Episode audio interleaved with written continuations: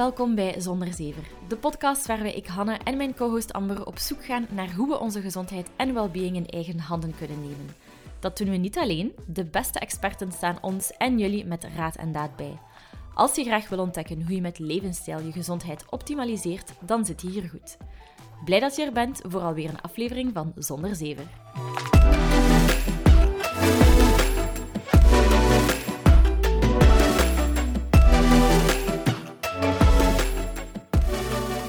We hebben het in veel afleveringen al gehad over voeding en het belang van voeding voor onze gezondheid. En de gasten van vandaag gaan ons nog verder nemen in een gezond voedingspatroon en hoe dat we dat nu praktisch aanpakken in een druk leven. En geloof ons, onze gasten van vandaag is echt een bezige bij.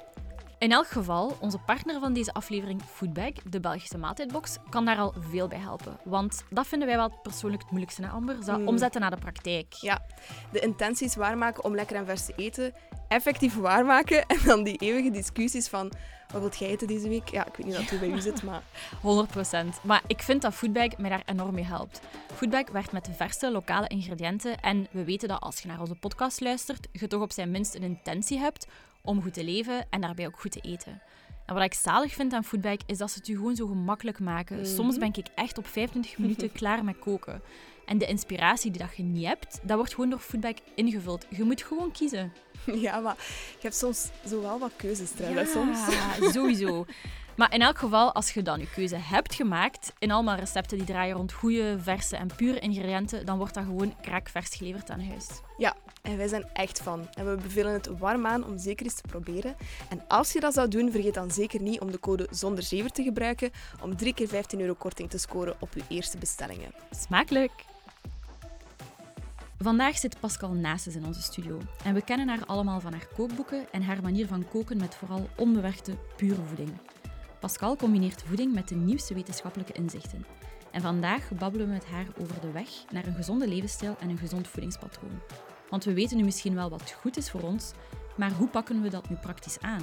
Wat doen we als we geen tijd hebben om aan alles te denken of als we geen tijd hebben om te koken? Pascal gaat ons vertellen waarom het niet moeilijk hoeft te zijn jouw voedingspatroon aan te passen en te onderhouden. Dag Pascal. Goeiedag. Hallo. Amber. We zijn eh, super blij dat jij hier bent. Ja, dankjewel voor de uitnodiging. Ik was aandachtig aan het luisteren naar de, naar de intro. Dat is altijd grappig als je dat hoort over jezelf. Ja, ik was zo aan het denken van, oh, wat moet ik zeggen over Pascal, wat mensen nog niet weten. Ehm, maar ja, kijk. Ja, jullie hebben dat eh ben vereerd. Mooi gedaan, heel mooi gedaan. Dankjewel. Ja, Pascal, we gaan er direct in vliegen. Wat is de grootste zever dat je al hoorde over jouw specifiek voedingspatroon? Ehm, zever zou ik het niet noemen, maar het is wel een, een ja, heel groot misverstand. En eigenlijk toch een algemeen ook misverstand, dat wanneer je gezonder gaat eten, en ook dus wanneer je wilt afvallen, dat je honger moet lijden. Dat is alles Mm. behalve zo. En daarmee is eigenlijk zoveel gezegd, want dat is eigenlijk het pijnpunt waar iedereen tegenaan loopt. Als je wilt, zeker wat wil afslanken, dan ga je dieet volgen, dan ga je honger lijden. En dan pas loopt het allemaal fout. Dat is het slechtste wat je kunt doen. En het is ook, het is zo jammer, maar het zit er nog altijd in. Zo'n fout idee, zo'n foute aanname. Als we willen afslanken, dan moeten we minder, ja, minder eten. Maar dat gaan we proberen uitleggen, Mhm. wat dat dan inhoudt, maar alles behalve honger lijden. Het is, anders eten, maar een mens is niet gemaakt om honger te lijden. Dus dat zit eigenlijk, af en toe is honger, inderdaad. Dat is oké, dat is, en dat is ook geen, dat is geen slecht gevoel, dat kun je hebben, dat kun je... Maar echte honger, in een wereld eh, met overvloed, we kunnen het dus eigenlijk allemaal hebben. En gezond leven, en in die wereld van overvloed leven. Want het is fijn, hè? we hebben de keuze, we hebben het allemaal. Het is een luxe waar we nu in leven. Maar we moeten het een beetje managen natuurlijk. Ja, ik vind dat wel goed dat je dat zegt. Ja, even zo... ja, ja. even de toon is gezet. Ja, de toon is gezet. Ehm, maar Pascal, wat zijn dan eigenlijk de basisprincipes? Want het moet eigenlijk niet ingewikkeld zijn, hè? Het is absoluut niet ingewikkeld. Het is eigenlijk heel eenvoudig. Het is, eigenlijk moet je beginnen met de basis is natuurlijke voeding. Je hoort heel veel, ehm, jullie hebben ook podcasts over suiker, over het Mhm. alles. En, maar als je dan de vraag stelt, waar zit al die troep eigenlijk in? Dat is in bewerkte voeding. Dus eigenlijk is het heel eenvoudig. Dan hoeven we zelfs niet bezig te zijn met die proteïnen en die vetten en die Mhm. koolhydraten. We kunnen het allemaal achterwege laten zodra we ons houden aan die onbewerkte voeding. En in die zin, het is ook wat dat betreft niet 100% strikt.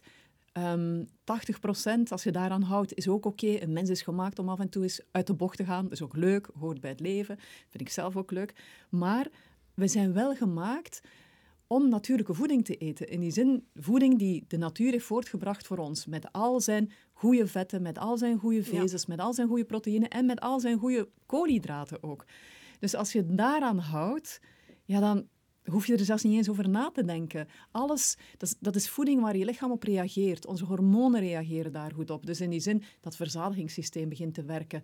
Um, ons lichaam komt daarvan tot rust. Onze darmbacteriën zijn gelukkig als je die volwaardige, nutriëntenrijke voeding neemt.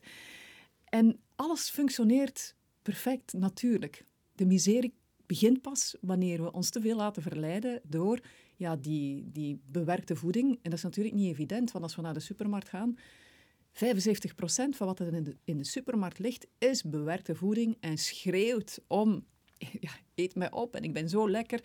En het is zo praktisch, het is makkelijk, het is meteen, het is, het is super lekker, het is heel goedkoop, nog goedkoper dan natuurlijke voeding. Het is meteen eetbaar, je moet het niet meer klaarmaken, je moet het gewoon mhm. maar, je moet er zelfs ook niet op bijten, want de vezels zijn eruit, je moet alleen maar opzwelgen. En het geeft een instant goed gevoel, een dopamine shot, maar nadien zitten wel met een dip. En het is vertrokken, de miserie, bij wijze van spreken. Dus eigenlijk is het heel eenvoudig.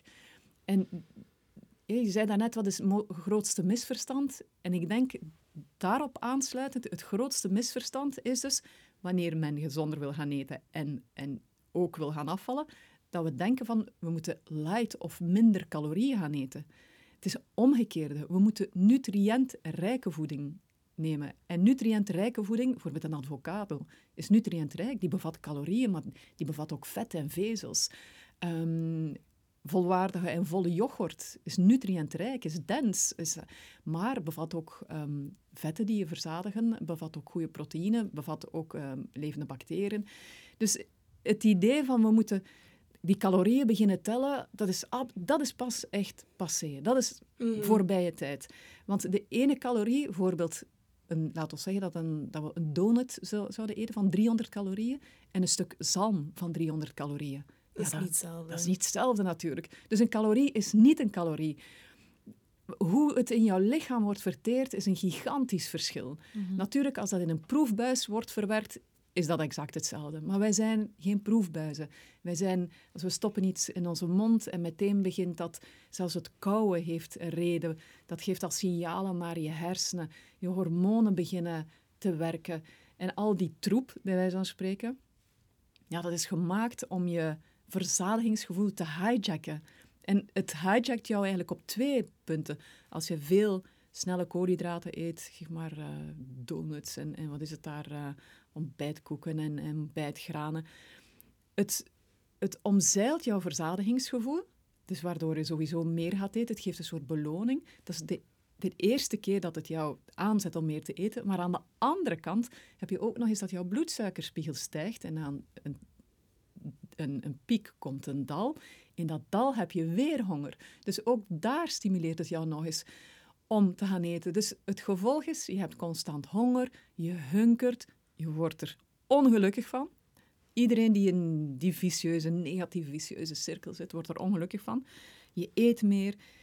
Je, het is moeilijk om daar tegenin te gaan. Ehm, je moet natuurlijk die vicieuze cirkel doorbreken. Dan moet je even op je tanden bijten. Maar als je snapt hoe het werkt, en dan heb je echt wel ja, de energie om daar tegenin te gaan. En dan zie je dat dat wel lukt.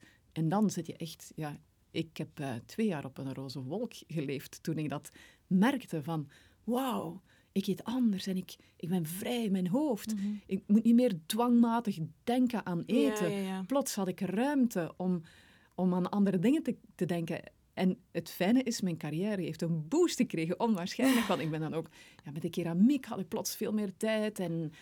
Dus um, het is zo fijn. De brain fog was precies uit je hoofd. Ja, maar, en het dwangmatige denken. Om, ja. Bijvoorbeeld, s'morgens ik stond op en ik dacht dan van, wat ga ik eten?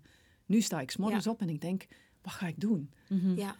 Ja. Zou mijn gedachte worden, mijn lichaam is niet meer, hunkert niet meer naar die mm. voeding. Mijn lichaam is voldaan, altijd. En ik denk dat verzadiging het keyword is.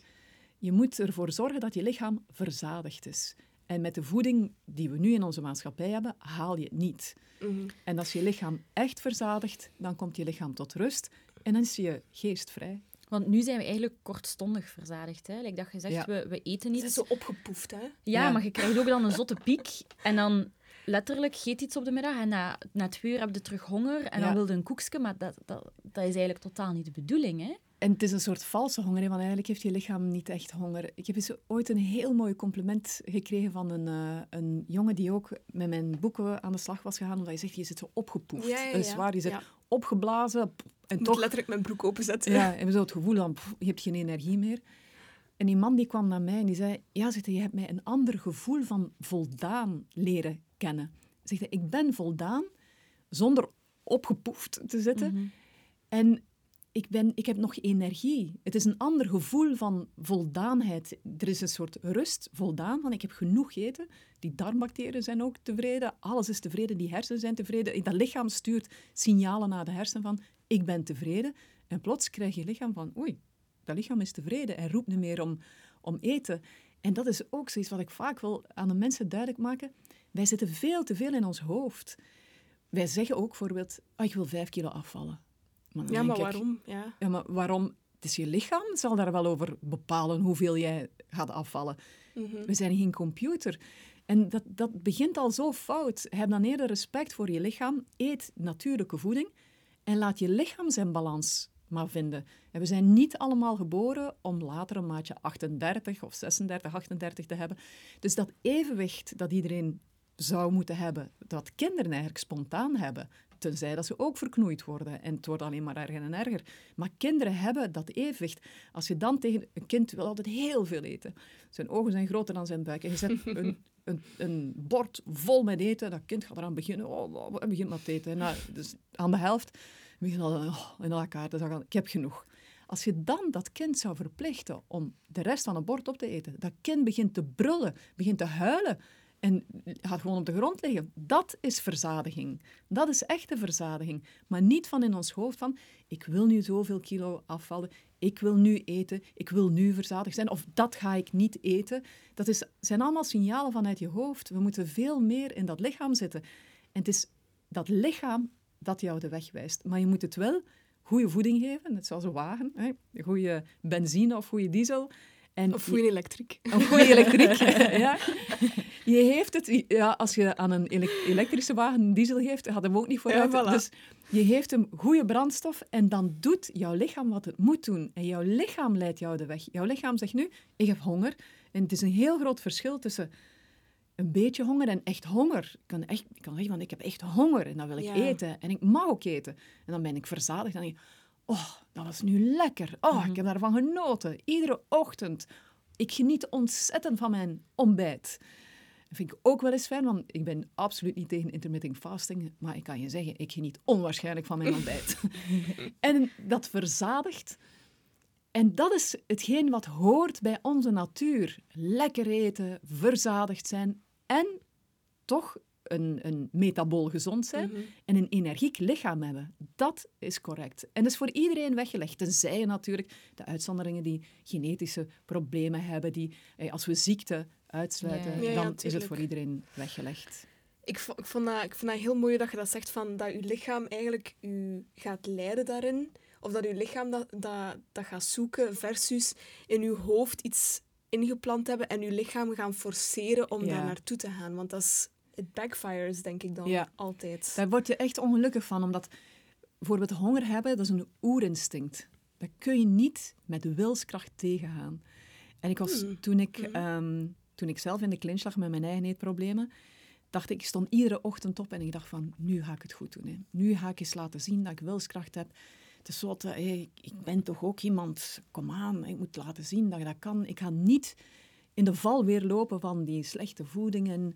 Maar op het moment dat je echt zo verslaafd bent aan die troep, aan die snelle koolhydraten, en bij mij was het wel heel erg, ja, dan kun je daar bijna niet tegenin gaan. En zeker niet als je dan zegt van, ik ga nu, want ik wou dan ook afslanken, van ik ga nu niet eten of ik ga wat minder eten. Dan creëert je lichaam zo'n honger, dat is onmogelijk om dat mij wilskracht tegenin te gaan. En wat je dan creëert, is dat wat uitstellen, uitstellen. En tot op een bepaald moment dat je breekt. En dan eet je alles op wat je daar maar ziet liggen. Ja, bon. Ja. dat is... eh, dat moet er niet bij zeggen. En dan begin je weer... Ja, dan ben je weer ongelukkig. En Ja, dan heb je voel gefaald. misschien ook... Ja, voilà, dan heb je gefaald en dan zit je jezelf ook schuldig aan het voelen. Ja, je voelt jezelf schuldig. En dat was zelfs ook ehm, een, een klassiek geschoolde diëtist had mij een, een lijst voorgelegd wat ik mocht eten. Maar ik kwam daar niet mee toe. Dus ik had zoiets van, zelfs ik kan dat niet. Die vrouw heeft daar energie in gestoken. Ze heeft dat op mijn lijf geschreven. Zoveel calorieën op een dag, 2000. En s'morgens twee boterhammen met light confituur. Ik spreek wel natuurlijk. En toen was het inzicht Oh anders, hè, van jee. 30 jaar geleden. Maar alhoewel, Ja. er zijn er sommigen die het nog doen. Light confituur, light boter. ehm, tussendoor mocht ik een, een appeltje eten. Of een yoghurtje, light uiteraard. Eén lepeltje olie bij de maaltijd. Eh, noten, oeh, er zitten veel calorieën in, dat, dat is niet goed. Een, een klein handjevol noten. Maar mij als gevolg, ik kwam daar niet mee toe. Ik had echt honger, honger, honger. Dus ik dacht, ik ben degene die faalt. Die vrouw die heeft dat op mijn lijf geschreven. Ik faal. Dus ik voelde mij ellendig. Ik had zoiets van, ja, maar ik kan hier niks. Zelfs dit kan ik nog niet. Dus ik kan nu meteen iedereen geruststellen, als je daarin herkent, in dit verhaal, het komt allemaal goed. Ik ben daar compleet van verlost. Ik denk nu aan eten, maar met een heel leuk gevoel, heel positief gevoel. Je mag aan eten denken. Dat is niet iets wat je uit je leven moet bannen, maar de basis is wel die natuurlijke voeding. En zie dit is een heel eenvoudig verhaal. Wij zijn natuurlijke wezens. Die voeding die is door de natuur geschapen voor ons, omdat we daar goed op reageren. Hou je daaraan. En het is, het is zo eenvoudig als iets, maar natuurlijk, ja, die supermarkten, Die maakt het moeilijk, hè? die maken het moeilijk, maar je moet ook, ook de supermarkt bijvoorbeeld. Het is eigenlijk wel grappig als je dat weet, hoe dat is ingedeeld. De supermarkt aan de buitenkant, ja, daar kan je makkelijk in, in- aan het stopcontact bij wijze van spreken. Dat zijn alle gekoelde ehm, zaken. Ik denk dat er effectief zijn onderzoeken gedaan, hè, maar 14% niet, niet bewerkte voeding in de supermarkt ligt. Dus dat wil zeggen groente, fruit, noten, zaden. Ah ja, dus, van alle, dus als je 100 Van producten hebt, zijn er 14... 100 procent, 100 Dus eigenlijk zou je kunnen zeggen, van de 100% voedingsmiddelen die in de supermarkt liggen, zijn maar 14% echt 100% natuurlijk. Mhm. De groen en de fruit. Groente, fruit, vis, misschien noten, vlees, ja, eieren. ja, ja. Ja. Ehm, en dat ligt vaak aan de buitenkant, Ja. omdat dat moet gekoeld worden. Dat is ook wat natuurlijke voeding rot, wordt slecht. Dus in die zin dat is al een goede indicatie. Maar wij zijn zo... Wij willen allemaal een makkelijkheidsoplossing. Want eigenlijk de voedingsindustrie die heeft gereageerd en die heeft eigenlijk ons in de tijd wel goed geholpen. Nu werkt ze tegen ons, maar eigenlijk in het begin... Die zei van, we hebben altijd moeten overleven met hongersnood eerder. En dan heeft de voedingsindustrie gezegd, ja, maar wij kunnen daar wel een antwoord op geven. Wij kunnen die producten die normaal zijn Ja, in de voilà. supermarkt aan de buitenkant liggen, wij halen die uit de koelkast, wij gaan daar iets, een bewerking mee doen en we gaan die ehm, bewerken zodat je, jij die thuis een jaar lang kunt bewaren. Mhm. Ehm, en dat zijn eigenlijk alle producten die nadien, alle bewerkte producten, die staan in het midden van de supermarkt. Dus uiteindelijk is het heel eenvoudig. Als je alleen maar aan de buitenkant van de supermarkt gaat, ben je ook sneller buiten. En daar liggen vooral de niet bewerkte, of bijvoorbeeld kaas is weinig bewerkt, maar is mild bewerkt eigenlijk. Dat ligt daar ook allemaal. Maar zoals ik zei, de voedingsindustrie in de tijd heeft ook wel iets goed gedaan. Het pasteuriseren bijvoorbeeld. Ja, voor ons als mensheid heeft ons, ons dat wel ver gebracht. Ehm, maar aan de andere kant hebben we ook daardoor ja, belangrijke bacteriën gedood. En is er nu weer een gang naar, naar die natuurlijke producten, nog niet gepasteuriseerd. Maar daar moeten we wel ergens toch wel voorzichtig mee zijn. Maar ik denk dat we nu echt wel kunnen zeggen dat die voedingsindustrie, dat de, de pendule echt te ver is doorgeslagen naar de andere kant. En nu gaat de voedingsindustrie echt producten creëren die bijna niks meer te maken hebben met natuurlijke voeding. Daar zitten geen vezels meer in, daar zit geen structuur meer in van natuurlijke voeding. En dat is echt een gigantisch probleem. Met alle bewaarmiddelen, met alle ehm, ja, producten om het, om het ja, wat vloeibaar te maken. Of bijvoorbeeld in de light yoghurt. Ja, dan moeten ze kleur. daar een kleur, moeten ze Mhm. daar ehm, stoffen toevoegen om toch een beetje ja, die, die, die dikte te Mhm. krijgen. En dat is, dat is natuurlijk, ja, dat, dat komt niet goed. Dat weten we allemaal. Maar het, het vreemde is dat we precies niet, niet als maatschappij en ook niet... De voedingsindustrie is, denk ik, ja, een van de grootste industrieën geworden. Dus ja, heel ons businessmodel. Ja, goed. Met een appel valt er ook niet veel marge te pakken, hè, bij wijze van spreken. Het is zelfs nog erger. Ehm, en hier wil ik het dan toch even opnemen voor de landbouwers. en zij zullen het graag horen. En ehm, een paar jaar geleden ben ik, twee jaar geleden, ben ik een jonge landbouwer, knappe gast trouwens, bij mij in de buurt woont een jonge landbouwer. um, ben ik op zijn veld um, foto's gaan nemen van spruiten. En want ik wou mooie foto's maken van spruiten. Ik had super lekkere gerechten van spruiten. En we hadden toffe foto's genomen. En die man vertelde mij, ja, zegt de volgende week weet ik of ik er met de tractor overrijd of dat ik die ga plukken. En ik had zoiets van, maar waarom zou je nu met de tractor overrijden? Ja, zegt hij, pas volgende week krijgen wij onze prijzen, hoeveel ze ons gaan betalen. En wie weet kan ik er niet de plukkers van betalen. En als ik er geen plukkers van kan betalen, ja, ik kan dat allemaal niet zelf doen, dan kan ik niet anders dan erover rijden, want ja, het volgende werk moet gebeuren. Wacht, dus, met de dus, overrijden bedoel je de spruiten weg? Wegrijden, gewoon echt niet. Zelfs niet oogsten? Niets, weg. Gewoon in een vuilbak. Erover rijden en wegdoen. Dat is en gewoon iets anders kweken. Dus onze maatschappij zit aan de basis gewoon, als het om de voedingsketen gaat, zit fout. Er, er, er is iets grondig fout. Ik zeg niet dat ik de oplossing heb, zeker niet. Maar wat is niet zo... Ik, het is altijd makkelijker, degenen die aan de zijlijn staan, van... Oh, maar ik denk wel dat we allemaal kunnen toegeven dat er echt iets grondig fout zit. En als ik dat hoorde, ik was echt er helemaal ondersteboven van. En als je dan zei van, ja, maar kun je dan niet rechtstreeks verkopen? Ja, maar dat mag niet, want ja, je hebt dan de supermarkten en, en de veilingen. En dus, er zijn allemaal circuits en business en afspraken. Het is allemaal niet zo eenvoudig. En dan heb je aan de andere kant, in, we willen natuurlijk allemaal dat de natuur zich herstelt en de biodiversiteit. En, maar het is, het is heel moeilijk en het is heel veel om dat allemaal te kunnen combineren en het allemaal leefbaar te houden, anno 2023. Dus voeding is een, eigenlijk een heel complex verhaal aan de ene kant en aan de andere kant is het zo'n eenvoudig verhaal. Miljoenen jaren lang hebben we overleefd op die natuurlijke voeding. Dus we mogen het nu niet verknoeien natuurlijk. Ja, ja. Je hebt veel interessante dingen gezegd waar ik ook wil vragen. Ja, ik ook. Doe maar, maar. waar ga ik beginnen? Um, je sprak van die vetten. Ja. Hè? Um, en vaak worden Eerst en vooral wordt er vaak gezegd, ah, Pascal Naast is tegen koolhydraten. Ik denk dat je dat best mocht ontkrachten zo meteen als je ja. wilt. Ja. maar ook die vetten, de vetten zijn heel hard gedemoniseerd. Hè? De vetten zijn slecht, maar nu wordt daar wel heel hard op teruggekomen, toch? Ja. Ik denk dat ik um, daar mijn steentje heb toe bijgedragen, inderdaad, dat ehm, we komen van het idee van, ja, als we gezonder willen eten, dan moeten we minder calorieën eten. En dat was dan de light keuken. En in die zin, dan moeten we minder vet eten, want vet levert meer calorieën op dan koolhydraten. Ja, we hebben een groot experiment gedaan, overal. We hebben gezien dat het niet goed komt.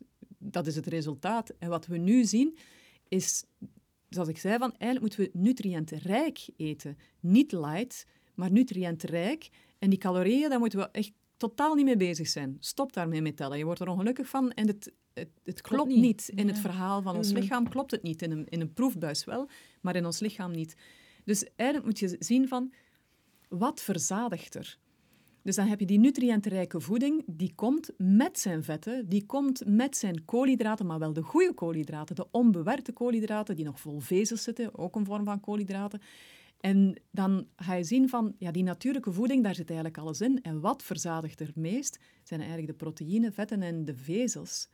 En als je dat dan gaat zien, als je bij die natuurlijke voeding blijft, je gaat eigenlijk denken van, wow, noten, er zitten veel calorieën in, en, oh, en vette zalm, en avocado, en volle yoghurt, Griekse yoghurt nog eens, oh, allemaal veel calorieën. Maar als je dat gaat eten, dat is een voeding die jou verzadigt, zeker met veel groenten en fruit. Die voeding gaat jou verzadigen en op het einde van de maand, als je dan alle calorieën zou samentellen, dan ga je zien dat je uiteindelijk toch minder hebt gegeten. Waarom? Omdat die voeding verzadigt. Dus in, die, in, in C, het idee van je moet in een caloriedeficit zitten, wil je vermageren, dat klopt. Maar de, de manier waarop we het doen is wel compleet verschillend. Mhm. Als je naar light gaat, dat is intussen bewezen, daar moet iedereen wegblijven. Niemand wordt daar gelukkig van. Je wordt er zeker niet gezonder op. Onlangs trouwens heeft het WHO ook, ook nog ehm, een, een um, mailing rondgestuurd dat um, de zoetstoffen, bijvoorbeeld de lightsuikers, zeg maar de cola's of, of de frisdranken light, dat het absoluut niet helpt om af te slanken. Integendeel. En alle problemen nog, nog uh, van dien. Dus in die zin van die light, daar moeten we van wegblijven. We moeten naar die nutriëntrijke voeding gaan die wel verzadigt met zijn vetten, met zijn vezels, met zijn um, goede koolhydraten en met zijn proteïne. en je gaat uiteindelijk op het einde van de rit ga je minder eten, maar je gaat wel het gevoel hebben dat je meer hebt gegeten. Weet je, ik heb altijd... Maar dat vond ik ook heel verrassend. Ik herinner mij nog het moment dus dat ik echt die knop heb omgedraaid van ik ga nu anders eten en inderdaad, ik ga vet toelaten. Want ik had overal gehoord, vet, ja, je moest opletten met vet, vet mocht niet. Maar ik had dan toch ergens... Ik was ook aan het lezen en, en hoe zit dat met die voeding, want wat loopt er fout bij mij? En dan gelezen van, die vetten zijn eigenlijk geen probleem. Dus ik liet meer en meer vetten toe. En ik herinner me dat ik die koolhydraten achterwege liet. En ik herinner me dat ik toen ook maar één keer in de week op de weegschaal nog stond. Nu sta ik er twee keer in het jaar op en dat blijft stabiel. Nu ben ik daar helemaal niet meer mee bezig. Maar toen dus nog wel. En ik herinner me die week dat ik veel vet had gegeten. Ik had geen honger had. En ik had ook wel best wat vlees gegeten en groenten. We waren op een etentje, dat was super lekker. En ik dacht, ja, kan niet anders. Hè. Ik ben zeker aangekomen, want ik heb geen honger gehad deze week en ik heb echt veel gegeten. En het tegendeel was waar. Ik dacht, oei, wat gebeurt er hier? en dan de volgende week zo van, oké, oké, ja, ja, dus dat lepeltje vet en twee lepeltjes vet, dat is geen probleem. En oh, nu het is is het nog wel flessen olijfolie per? De flessen vliegen erdoor. Ja. Met drie slagen wij daar thuis mee. We gebruiken ook veel olijfolie. En dan zeggen we, kom, gaan we Pascal naast eens nadoen. Extra olijfolie. Dus om, ja, ik, ik heb ook, er staat geen rem op en ik koop zo graag lekkere olijfolie in Oh, een mooi flesje. En dat is eetcultuur. Zo moeten denken aan lekker eten. Van een kwalitatieve olijfolie kopen, proeven. Mm, lekker, oh, we gaan er nog een beetje olijfolie op Ja, doen. ja. Dat is met gezonde voeding bezig zijn. Mm. Dat is, en zo moet het gezonde voeding aanvoelen. Als het voelt als allemaal van dat mag niet, dat mag Mm. niet. Ja, je moet zien naar wat dat er wel mag. Ja. En het is zo ja, fun om lekkere voeding klaar te maken waar je van en mag eten en dat verzadigt en dat je energie van krijgt Mhm. en je energiek lijf behoudt. Maar daar zijn we mee begonnen, hè, met dat, allee, ook, ja, het, het, het principe van honger hebben. Ja, het tegenovergestelde daarvan lijkt mij verzadiging. We hebben het er al over gehad, dat, hè, zo je opgepoft voelen. Maar ja, mijn vraag is een beetje van dat verzadigd gevoel van... Zijn we dat een beetje verleerd van wat dat eigenlijk wil zijn, een verzadigd gevoel? Want ik, Hmm. ik wil... Hetgene wat ik wil zeggen is... ehm, zijn, mensen, zijn mensen gewoon om zich overpoefd en moe te voelen na een maaltijd? En is dat dan voor hen verzadiging? Ja, En kijken we daar niet verkeerd naar? Ja, ik ben Ja. het zelf ook helemaal kwijt geweest, het verzadigingsgevoel. Ja, Compleet. En dan kun je best het idee voor je halen van een klein kind. Dat inderdaad, wat je daarnet vertelde, een klein kind dat genoeg heeft gegeten, dat is echte verzadiging. Echte verzadiging is dat je zegt van, ik krijg er geen hap meer bij. Als je Maar is dat dan Punt. niet... Oh, sorry dat ik onderbreek, maar wat is het verschil tussen goede verzadiging en overeten? Wel, het doet me denken aan een verhaal van toen ik klein was. Ik herinner me dat we aan de tafel zaten. En ik zei tegen mijn moeder van, oh, ik heb genoeg gegeten. En mijn moeder die zei van, dat snap ik niet. Zegt ze, ik kan blijven eten. En daar loopt het fout. Een klein Ja. kind stopt met eten. Ik was toen echt een kind. En iemand die volwassen is, heeft, is er altijd over gegaan. Maar niet zozeer over zijn gevoel gaan met de foute voeding. Je kunt er pas over gaan met foute voeding. Ik heb nog nooit iemand zich weten overeten in fruit. Ik heb nog nooit iemand zich weten overeten in alleen biefstukken. Mhm, mhm. Wel als er frieten bij zijn en saus bij is. Ik heb nog nooit iemand weten overeten in broccoli. Mag ik hier een verhaal vertellen? In broccoli. Maar dus ja, we, we hebben geluisterd naar de aflevering van, van Servaas. En je had dat toen ook gezegd, denk ik, van eh, je kunt je niet overeten, of dat staat in je boek of zo, je kunt je niet overeten in groenten. Ja. En eh, thuis maken wij heel vaak een traybake gewoon in de oven met allemaal groenten. En dan zegt er is... Wel, vandaag ga ik Pascal een keer het tegendeel bewijzen. Zo mega veel groenten blijft niet. Maar, dat, dat Maar je kunt ook- je niet maar is Je hebt nooit hetzelfde gevoel. Je hebt nooit hetzelfde gevoel. Nee. Dat Nee. is omdat die dopamine-shot daar niet bij is. Omdat je, je, Ah, kunt ja, natuurlijk, je kunt natuurlijk wel veel eten, maar op een bepaald moment gaat je lichaam zeggen ik heb genoeg, je moet nu stoppen. En je gaat nog altijd niet dat gevoel hebben van die typische Nee. verzadiging dat je krijgt na is dat, taart. denk ik, dat ja. Ja. En, en Die dit is, zo, zo die voelen. Ja, en ik denk dat die dopamine-shot is, dat is hetgeen waar we aan verslaafd zijn. Ja. En dat is zo hetgeen wat je een verzadigd gevoel geeft. Want ik zal zelfs ook nog wat meer zeggen. Toen ik inderdaad ook zo fout met mijn foute eetgewoonte bezig was, heb ik dat ook gedaan. Ik heb dat echt eens ge- geprobeerd om datzelfde gevoel te krijgen met fruit. Ik kan je zeggen, dat lukt niet. Nee, Nee, dat, dat is gaat ook, niet. dat je is je ook kunt fruit eten, je, je gaat fruit eten tot op een bepaald moment gaat je lichaam echt zeggen van nu heb je genoeg. En je krijgt niet dat verzadigingsgevoel dat je hebt van na drie stukken taart of zoiets. Of, dus eigenlijk dat verzadigingsgevoel, je beknoeien daarmee door de foute voeding. Niet door zozeer te veel te eten. Eigenlijk kun je bijna um, zeggen, en dan komen we op het pad van David Ludwig, die ik um, ook geïnterviewd heb en naar België zelfs heb gehaald, een Harvard-professor. Mm -hmm. Die zegt van, ja, maar wat was er eerst? Overeten en dan overgewicht? Of eerst overgewicht en dan overeten? Dus in die zin, er, mensen die fout eten, het is de foute voeding die je laat overeten. Um, eigenlijk ben je aan het knoeien met, maar ze weten het niet echt. Wat, wat is er eerst? Kip of ei. Ja, Kip of ei, dat is altijd mm -hmm. vaak het, het, het verhaal. Maar het is niet omdat je, dat je zegt van, ik heb mij twintig keer heb ik te veel gegeten, dus nu heb ik geen verzadigingsgevoel meer. Dat, gaat, dat klopt niet. Mm -hmm. Je kunt wel zeggen, ik heb twintig keer fout gegeten en nu heb ik geen verzadigingsgevoel meer. Ik heb de foute voeding gegeten, waardoor mijn lichaam dat verzadigingsgevoel, die Mhm. hormonen, wat te maken heeft met hormonen. Hè. Ik heb eigenlijk geknoeid, ik heb mijn lichaam de foute voeding gegeven, waardoor dat het niet doet wat het moet doen. In die zin, dat verzadigingsgevoel en dat verzadigingshormoon is niet naar boven gekomen, is gehijacked omwille van dopamine. En Ja. ja, dan is het helemaal wetenschappers en dan laat ik aan de wetenschap over. Ehm, maar het is echt door de foute voeding te eten dat je dat verzadigingsgevoel kwijtgeraakt. En dat wil daarmee niet zeggen dat we ja, zeg, geen foute voeding mogen eten. We zijn best sterke wezens hoor. We kunnen Mhm. heel veel aan.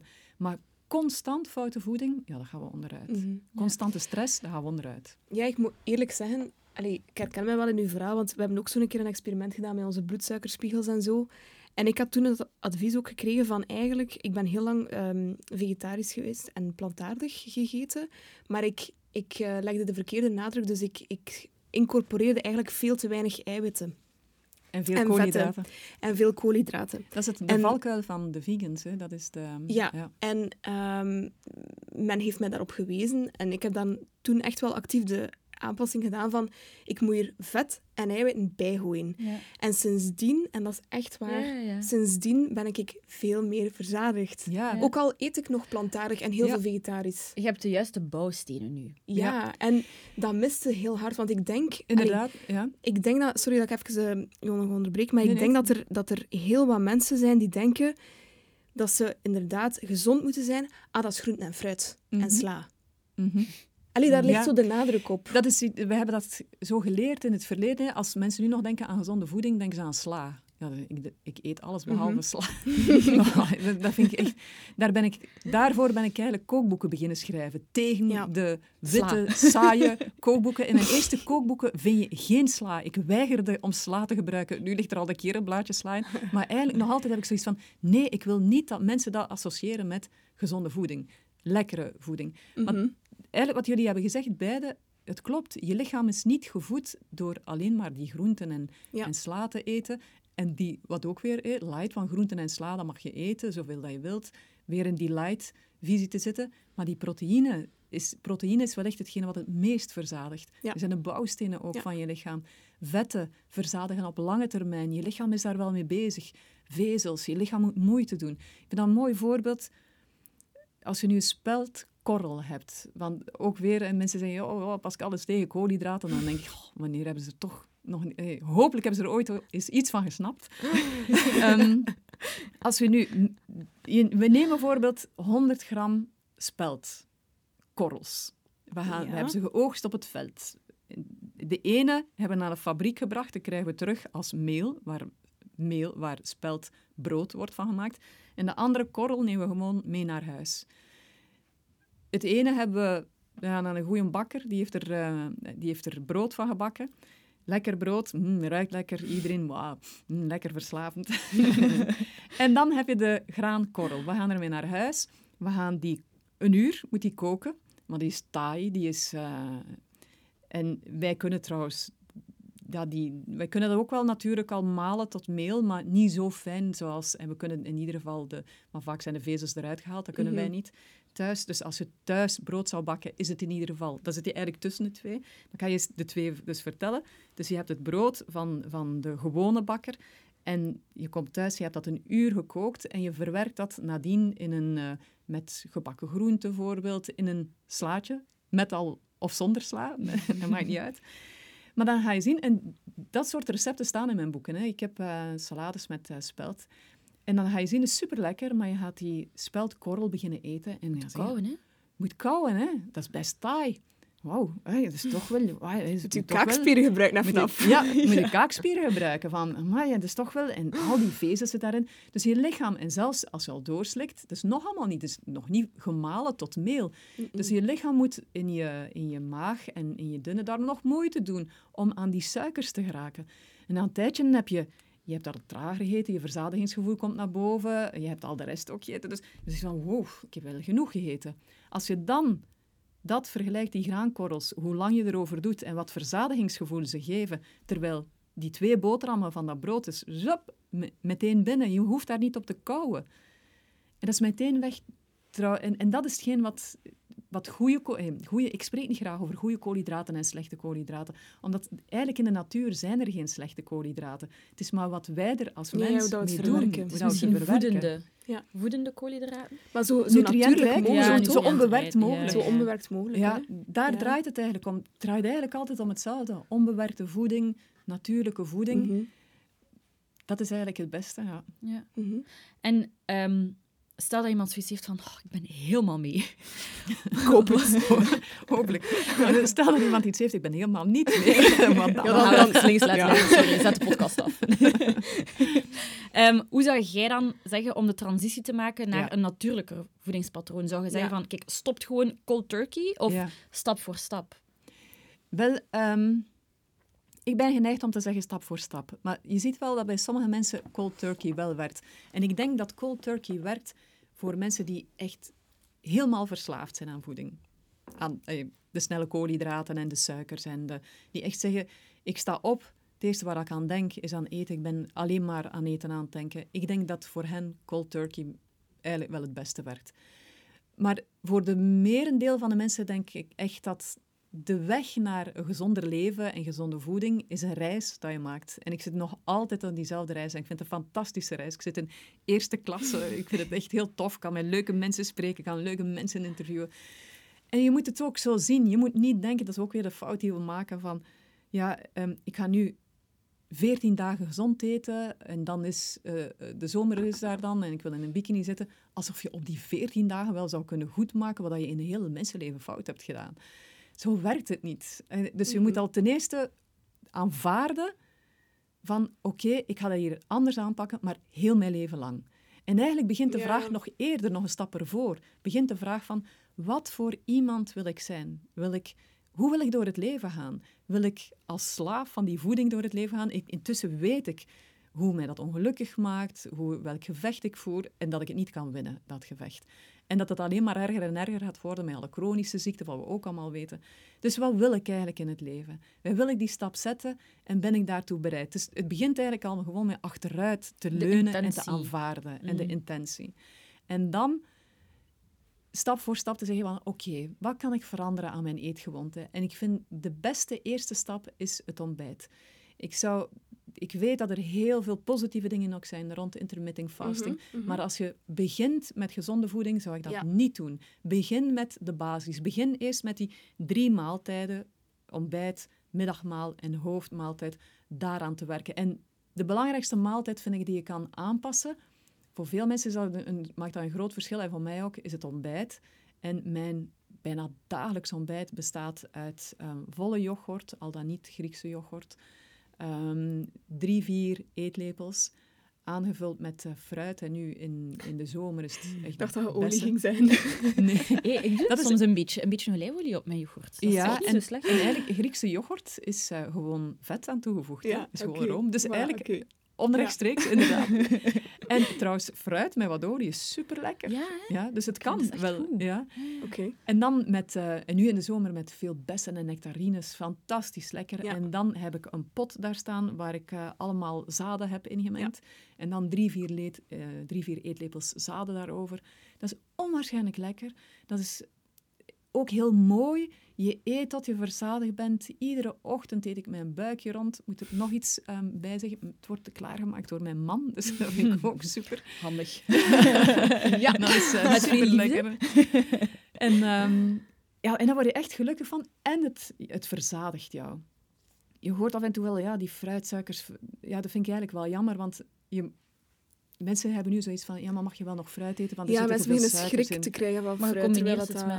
Ja, maar ook, dan denk ik ook altijd van, ja, maar laat ons eens zien wat we eten op een week, op een maand en Ja. op een jaar. Je moet eerst aan die grote knoppen draaien. Eerst Ja. moet je aan de Mhm. basis goed eten. Ik krijg ook soms vragen, ja, welke noten zijn de meest gezonde? Ja, dan denk ik ook, draai eens eerst aan die grote knoppen en zie dat die basis goed is. En dan pas kun je beginnen fi- fine-tunen. Maar fruit in zijn geheel is echt oké. Tenzij je als je jezelf betrapt op, ja, ik eet eigenlijk alleen maar bananen, druiven en eh, ja, dan weet je dat je heel sterk naar die suikers hunkert. En mango's, ja, we zijn allemaal suikergevoelig en we hunkeren naar zoet, iedereen. Maar fruit in, in, en zeker steenfruit en bessen zijn echt ideaal 's morgens, zijn ook heel gezond, komen ook met heel veel secundaire plantenstoffen die bijzonder gezond zijn. Laat het jou smaken, geniet daarvan. De yoghurt met de vetten, met de proteïne, met de zaden en de noten. ehm, al dan niet noten, noten vind ik voor mezelf eh, vrij zwaar, Paul die er wel noten bij. Ehm, dus het is niet alleen het fruit. Ja, dat verzadigt jou en je bent de dag al echt goed gestart met een verzadigend gevoel. Je kunt er tegenin, tegenaan gaan. En dan de maaltijden, zowel smiddags als 's avonds. Ik eet nooit een broodmaaltijd. Meest, nu valt het nog wel mee, maar vroeger als ik zei aan mensen, ja, ik eet nooit brood, pasta, rijst, aardappelen. Dan mensen zeggen, "Ah, wat eet je dan? ik eet zoveel lekkere dingen. En dan vertrek Bekijk ik... haar kookboeken. Zo eenvoudig kan het zijn.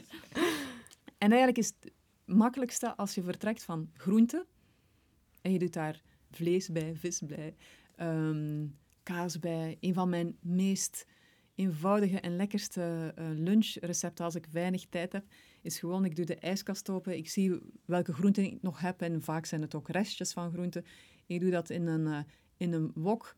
Ehm, ik doe daar af, wat, ja, afhankelijk wat ik heb liggen, wat gember bij. Maar eigenlijk, zelfs de gember hoeft er niet bij. Gewoon wat groente. En meest, als ik het echt eenvoudig wil houden, gewoon wat groente, wokken, veel olijfolie.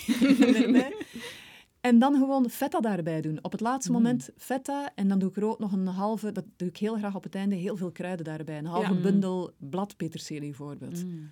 Super lekker. Zo lekker. Super puur. Puur. Ja. En dan eventueel nog wat met zaden erbij. Maar het begint natuurlijk, je moet die ingrediënten in huis hebben. Dus dat is misschien ook wel de belangrijkste tip.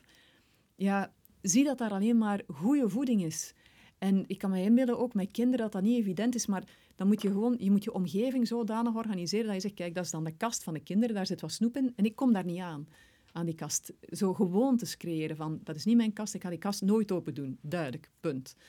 Ook aan je kinderen kun je heel makkelijk vragen van, kijk, jullie zijn, zijn jong, jullie kunnen veel hebben, maar als je het moeilijk hebt met eten van, ik zou graag hebben dat je dat, en zelfs kleine kinderen, ik zou graag hebben dat als je snoept, dat je dat niet voor mijn neus doet, want ik, ik probeer wat gezonder te eten, jullie kunnen dat wel hebben, maar ik niet. Probeer daar wat rekening mee houden. Kinderen zijn er fantastisch goed in, die helpen jou. Dus jouw omgeving moet je gewoon, ook aan jouw man, jouw partner of omgekeerd, als de man de vrouw het vragen van, vraag steun, praat daarover. Ja. Dus in die zin, als je dat weet, dat is al eigenlijk een hele grote stap in de, in de goede richting. Mhm. Als je dat beseft, van, ik, dan weet je welke jouw valkuilen zijn. En dat is eigenlijk heel fijn en heel goed hoe dat je Ja. daarmee omgaat. Want dan moet je eigenlijk een stap ervoor zijn. Je moet, het, ja, je moet het best niet zien. Als je het niet ziet, heb je er geen last van. En je creëert goede gewoontes. Maar een verslavingsgevoelig brein, dat is iets wat Mhm. Ja, dat veel Ja, mensen dat is- zich wellicht in herkennen. Dat is We, heel... we hebben het er daar vanmiddag nog over. Ah ja.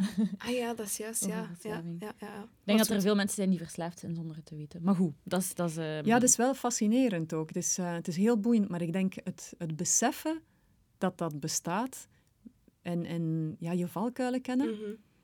dat is toch al een, een, Mhm. ja, een heel grote stap. Ja, en, en, en het gaat denk ik ook niet over het eh, bijna religieus gaan, gaan zo... Want je hebt dat ook al gezegd, van het is niet dat we nooit niks meer mogen eten. Nee. Dat zou ook niet...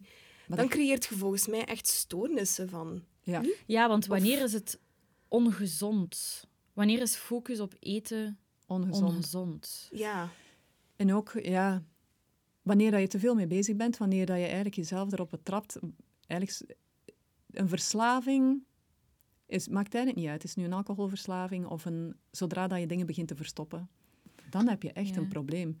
En je hebt dan ook het idee van, ik vind dat altijd wel helemaal af dat, dat ehm, het idee van overdreven gezond. Ja, Ja. eigenlijk zijn die niet bezig met gezondheid. Hè? Want in die zin, ik promoot bijvoorbeeld ook vet.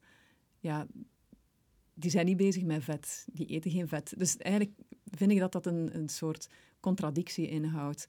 Als je te, te veel bezig bent met gezondheid, zo gezegd dan, ja, dan ben je gewoon ongezond. Je, Eigenlijk ben je niet bezig met gezondheid. Ja, ja. Je moet het eigenlijk een beetje een natuurlijk doen. En, en, allee, of natuurlijk, de nat, nat- hoe wil ik het zeggen? Heel natuurlijk de omschakeling maken naar een gezonder voedingspatroon zonder er obsessief mee bezig te zijn. Dan zit je weer te veel in je hoofd. Je hebt geen respect meer voor je lichaam. Je bent compleet Dat fout is wel een bezig. goed punt. Ja. Maar wat met mensen die zeggen van ja, ik wil dat, maar ik verval altijd terug in mijn oude patroon en dan grijp ik naar suiker. Ehm, Want dat- moet je lichaam ook niet even afkicken Ja. van die suiker? En dat is een leerproces. Hè. Ik ben heel vaak hervallen, maar in die zin, dat een een kind dat leert lopen, valt ook duizend keer. Mhm. Ja, gelukkig dat die kleine niet zegt van, ik geef het hier op.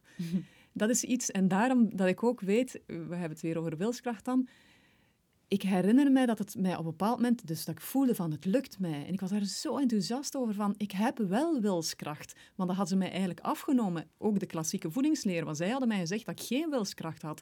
Daar ben ik misschien nog wel het meeste boos om toen. Omdat ik zoiets had, ja, alsof ik het niet goed deed. Het was mijn fout en dat is niet waar. Dat heeft daar allemaal niets mee te maken. En dat is hetgeen wat ik wil echt naar mensen duidelijk maken. Het heeft niets te maken met wilskracht. Natuurlijk, in het leven heb je algemeen wel wat wilskracht nodig. Maar met wilskracht alleen haal je het niet. Die natuurlijke voeding en een portie gezond verstand. Doe gewoon. Dat is het eigenlijk. Eh, Eigenlijk moeten we gewoon dingen afleren in plaats van dingen bijleren. We zijn allemaal zo, we willen en, en, en. Nee, het is lay back. En ga eens terug respecteer jezelf en ga terug naar de basis en leer het af.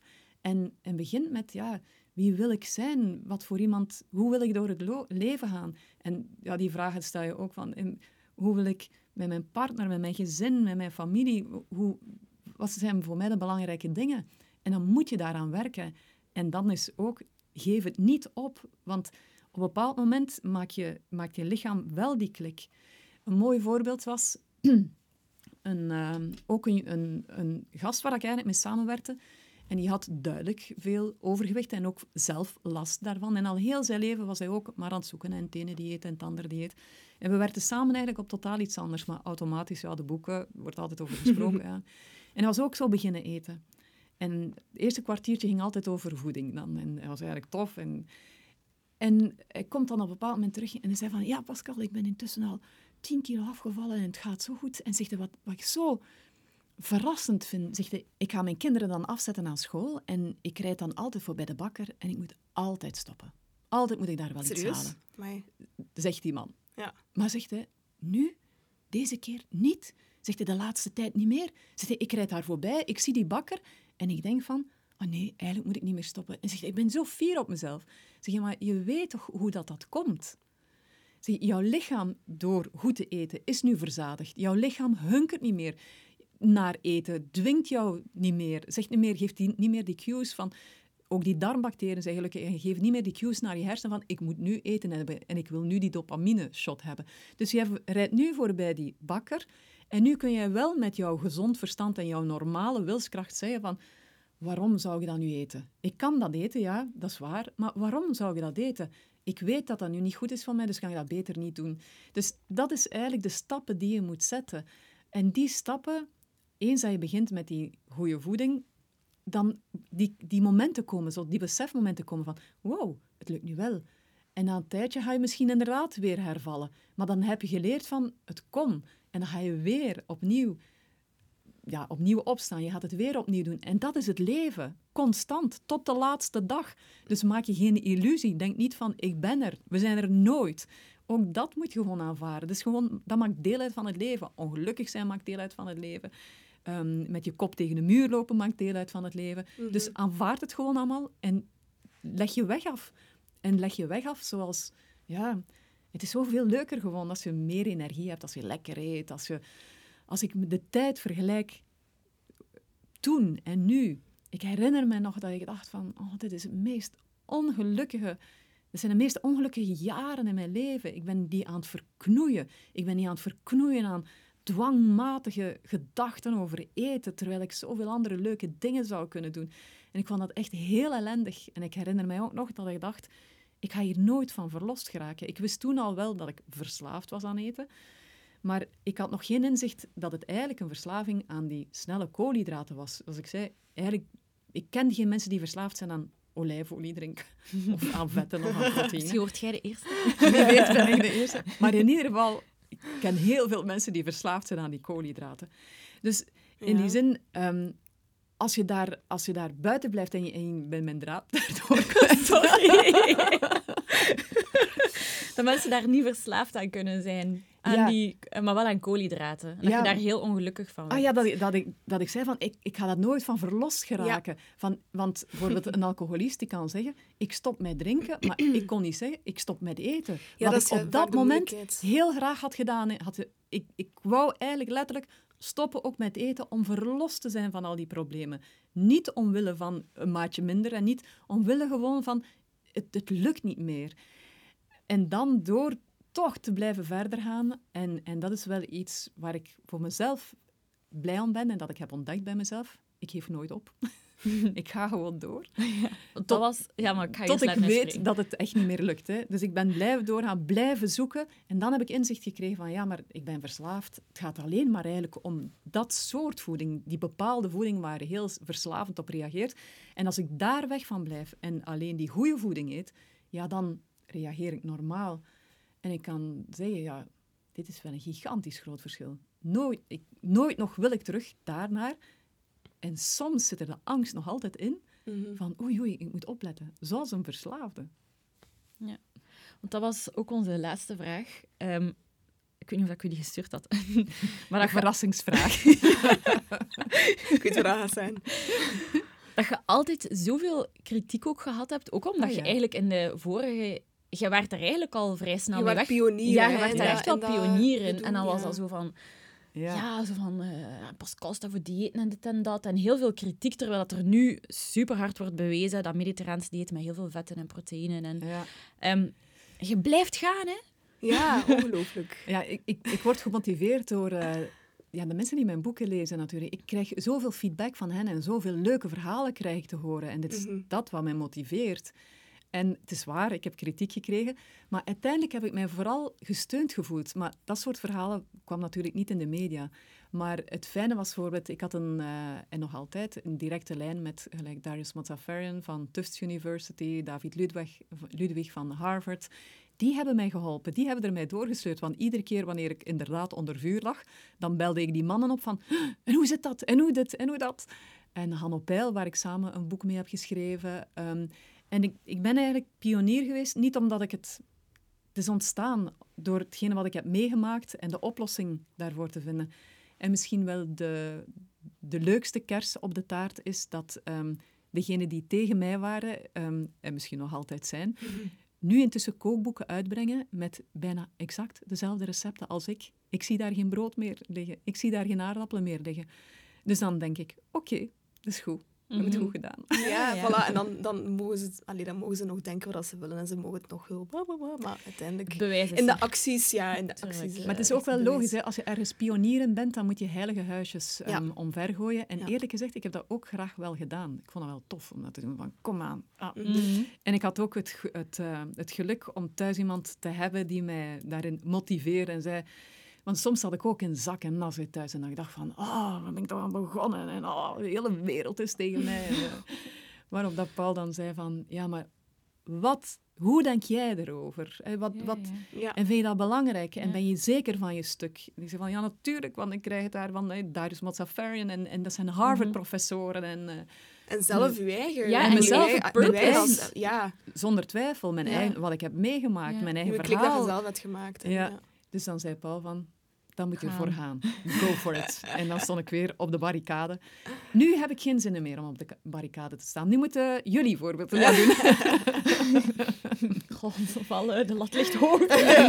Maar jullie doen dat heel mooi. Jullie doen dat... ehm, het is heel mooi om te zien. Jullie zijn beide jong, dat je zoveel belang al hecht aan, aan die...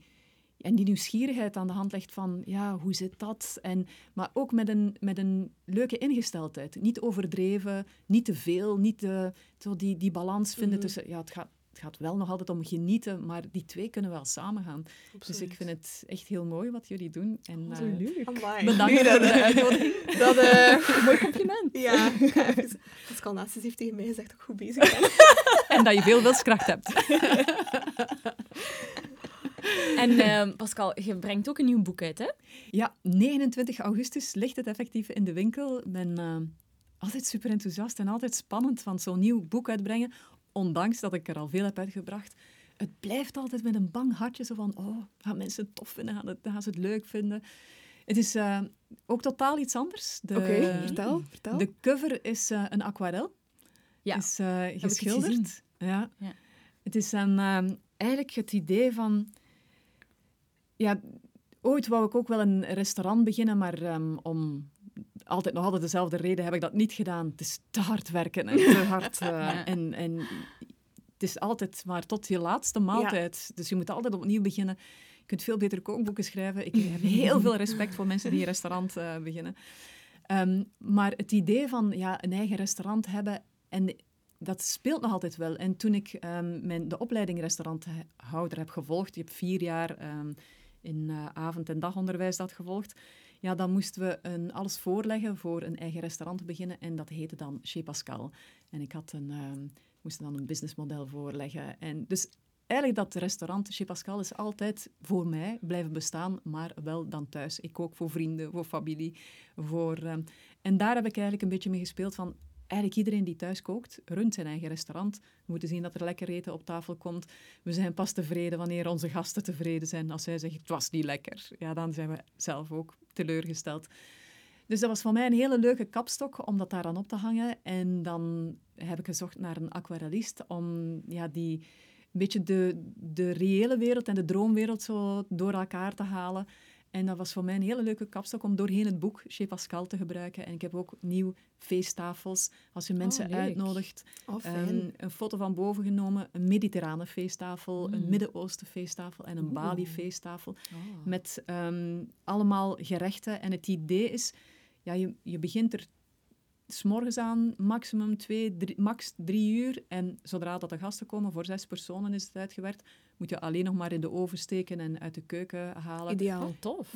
En het idee is ook, want je hebt nu vegans, veganisten, low carbers, keto. ehm, mijn idee is dat aan mijn feesttafel kan iedereen eten. Dus het is een soort buffettafel. Dat is wat we nodig hadden. En, eh, en iedereen kan eten wat hij wilt. Dus ik, de low carber, zal misschien gaan voor eh groente en vis of vlees. Ehm, de, degene die graag vlees eet, die zal dan alleen gaan voor het vlees. De vegan, die kan dan gaan voor andere dingen. Dus het is, het is eigenlijk zo samengesteld met een Voor zestal gerechten. Ja. Voor elk wat wils. Geen gedoe, geen gezeur aan de tafel. Niet te veel babbelen over wat nu juist gezond is, maar vooral genieten. Ja. En allemaal lekker en pure gerechten en weinig werk. Zalig, dat, dat is is- belangrijk. Dat is belangrijk. Cool. Ja. Oké. Vrij goed. We gaan het sowieso linken ook in onze show notes. Ah, dat is heel Ehm, tof. Ja, dus dat natuurlijk. zeker, eh, natuurlijk. Heel tof, aankopen. dankjewel. Ja, het was heel interessant. Ik vond het echt tof. Ja, ik vond het een absolute eer dat je hier wou, wou Oh, zijn. dankjewel. eh, Pascal, Ja. echt waar. Nu, nu krijg ik Ja. de complimenten, dankjewel. Ja, we zeiden wel zo, het is even een hoogtepunt voor Zonder Zeven. Ja, ja Oh, dat is echt wel heel leuk. effectief, effectief. Oh, Ja, dat is heel nee, fijn. En jullie Heel hebben al heel veel boeiende, interessante gasten gehad. Ja, Het is echt merci. heel knap wat jullie doen. Dank Dus, je wel. eh, Dank doe zo verder. Dikke merci. Ja, ik hoop dat jullie het ook allemaal eh, heel interessant vonden. We gaan Pascal haar boek in de show notes zetten. En dan eh, ja, horen we jullie in een volgende aflevering. Merci Bye. Pascal. Doei. Dag.